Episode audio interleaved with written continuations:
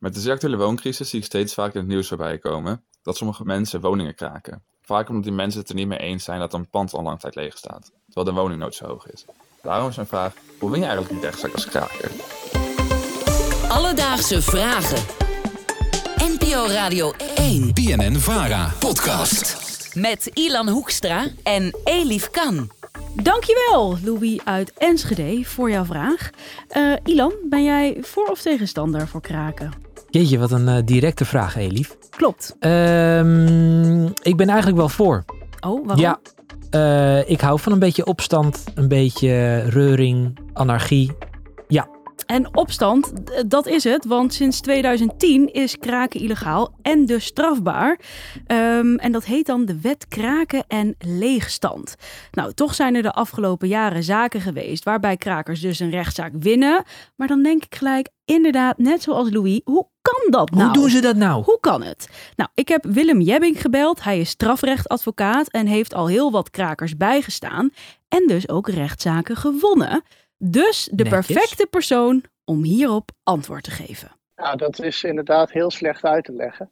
Kraken is keihard een strafbaar feit. Dat is in 2010 een misdrijf geworden. En dat betekent dat in alle gevallen dat je ergens zit waar je niet mag zijn, dus in een, in een woning verblijft waar je niet mag verblijven, om, omdat je uh, daar geen rechten op hebt, geen huur of, of eigenaarschap, dat je je in beginsel schuldig maakt aan kraken.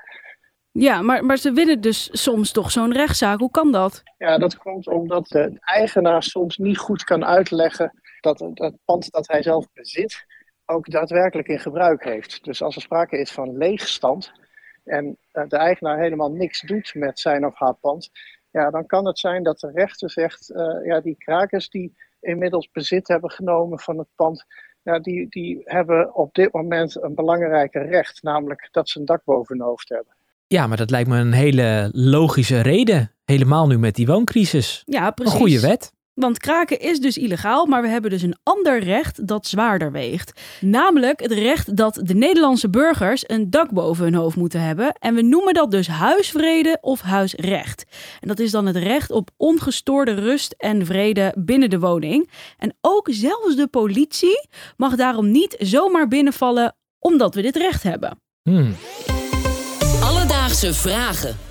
En nu we dit weten, dacht ik, laten we even de proef op de som nemen. We gaan kraken. Nou, ik leg het je even voor. Even rustig aan. Okay, ik las namelijk laatst dat prinses Amalia is verhuisd naar Amsterdam. Dat heb je vast ook gelezen. Zeker. Een mooi grachtenpand. Maar ik las ook dat door deze verhuizing er andere mensen uit dat pand moesten. Dat waren een paar jonge gasten volgens mij. En dat Hmm. vind ik dan weer verdrietig. Zeker. Ik moet wel eerlijk zijn dat het af en toe wel uh, vervelend is. Ja, nou toen dacht ik, het koninklijke gezin, dat heeft natuurlijk het Koninklijk Paleis Amsterdam in hun bezit. Op de Dam. Ja. Ja. Toen dacht ik, dat is zo groot. Daar is toch vast wel een kamertje waar Amalia gewoon kan gaan wonen? Ja, precies. Ja, goeie. Ja, nou dat is niet aan de orde, want ze gaat dus in dat grachtenpand wonen. Maar toen dacht ik, is het dan geen optie om dat paleis op de Dam te gaan kraken? Elif. Ja. Great mind. Nou, dat dacht ik ook. Het antwoord dat zocht ik bij uh, voormalig advocaat Bernard. En ook heeft hij in zijn carrière veel krakers bijgestaan. Nee, want dan heb je een probleem. Dat wordt gebruikt voor allerlei festiviteiten. En nou zie je dat in dat geval die kraker naast het net vist. Waarom? Omdat hij heeft een huisrecht. Het is goed dat u die vraag stelt. Hij heeft een huisrecht waar hij zich op kan beroepen. Wanneer hij geen ander een huisrecht heeft. En in het geval wat u noemt, de, het Paleis op de Dam, dat wordt voor allerlei dingen gebruikt. Dat is dus permanent in gebruik. En daar heb je een schijn van kans. Dan zal je meteen ontruimd worden. Ja, dat is wel jammer. Maar aan de andere kant, je zou kunnen zeggen, Amalia die heeft al heel veel vierkante meters in Amsterdam. Waarom moet ze dan per se in dat studentenhuis waar die studenten wonen? Kan ze dan niet wat onderling ruilen met elkaar? Ja, nou dat, dat snap ik. Maar aan de andere kant denk ik, ja, als iemand nou eenmaal een groot huis heeft, dat betekent niet dat wij dat mogen gaan kraken Ja, natuurlijk. maar ja, we, we zitten nu in een wooncrisis. We moeten wel inderdaad. je moet een beetje, een beetje kunnen delen met elkaar. Ik, nou, de- ik vind het nog een interessante zaak, Elif. We gaan hier nog eens even We harder hier- over nadenken. Ja, ja, en de luisteraar mag dat ook eh, altijd doen. En, toen ons. ik Bernard dus belde, Ja. topfan trouwens, had hij nog eh, wat zorgen waarvan hij zei: Ja, die moet ik toch echt even met jullie delen. Oh.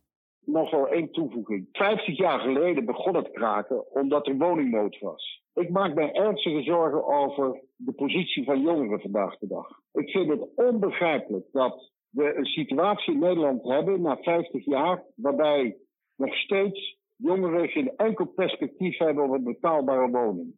Er wordt ontzettend veel gepraat, maar jongeren hebben geen enkel gevoel van een sense of urgency bij de politici en bij, de, bij het kabinet. Dat ook zij recht hebben op een toekomst. En een toekomst begint met een dak boven je hoofd.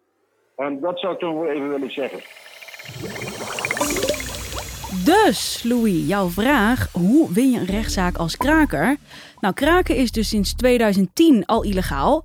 Maar een kraker kan zich beroepen op huisvrede, oftewel het huisrecht. Dat is dan het recht op ongestoorde rust en vrede binnen de woning. Tenzij een ander daar al een huisrecht heeft in datzelfde pand. Heb jij nou ook een vraag? Stuur ons vooral even een DM op Instagram. Dat kan naar Alledaagse Vragen. Of stuur even een mailtje naar alledaagsevragen.radio1.nl en dan zoeken wij dat heel graag voor je uit. En kennen wij iemand die eh, Amalia kent? Want dan moeten we deze Oh. aflevering even doorsturen naar haar. Ja, ik niet hoor. Ik zit niet in die kringen. We hopen een van onze luisteraars wel. Laat het even weten. Of kunnen we het per USB naar, naar een bepaald adres sturen? Alledaagse vragen. NPO Radio 1. BNN Vara podcast.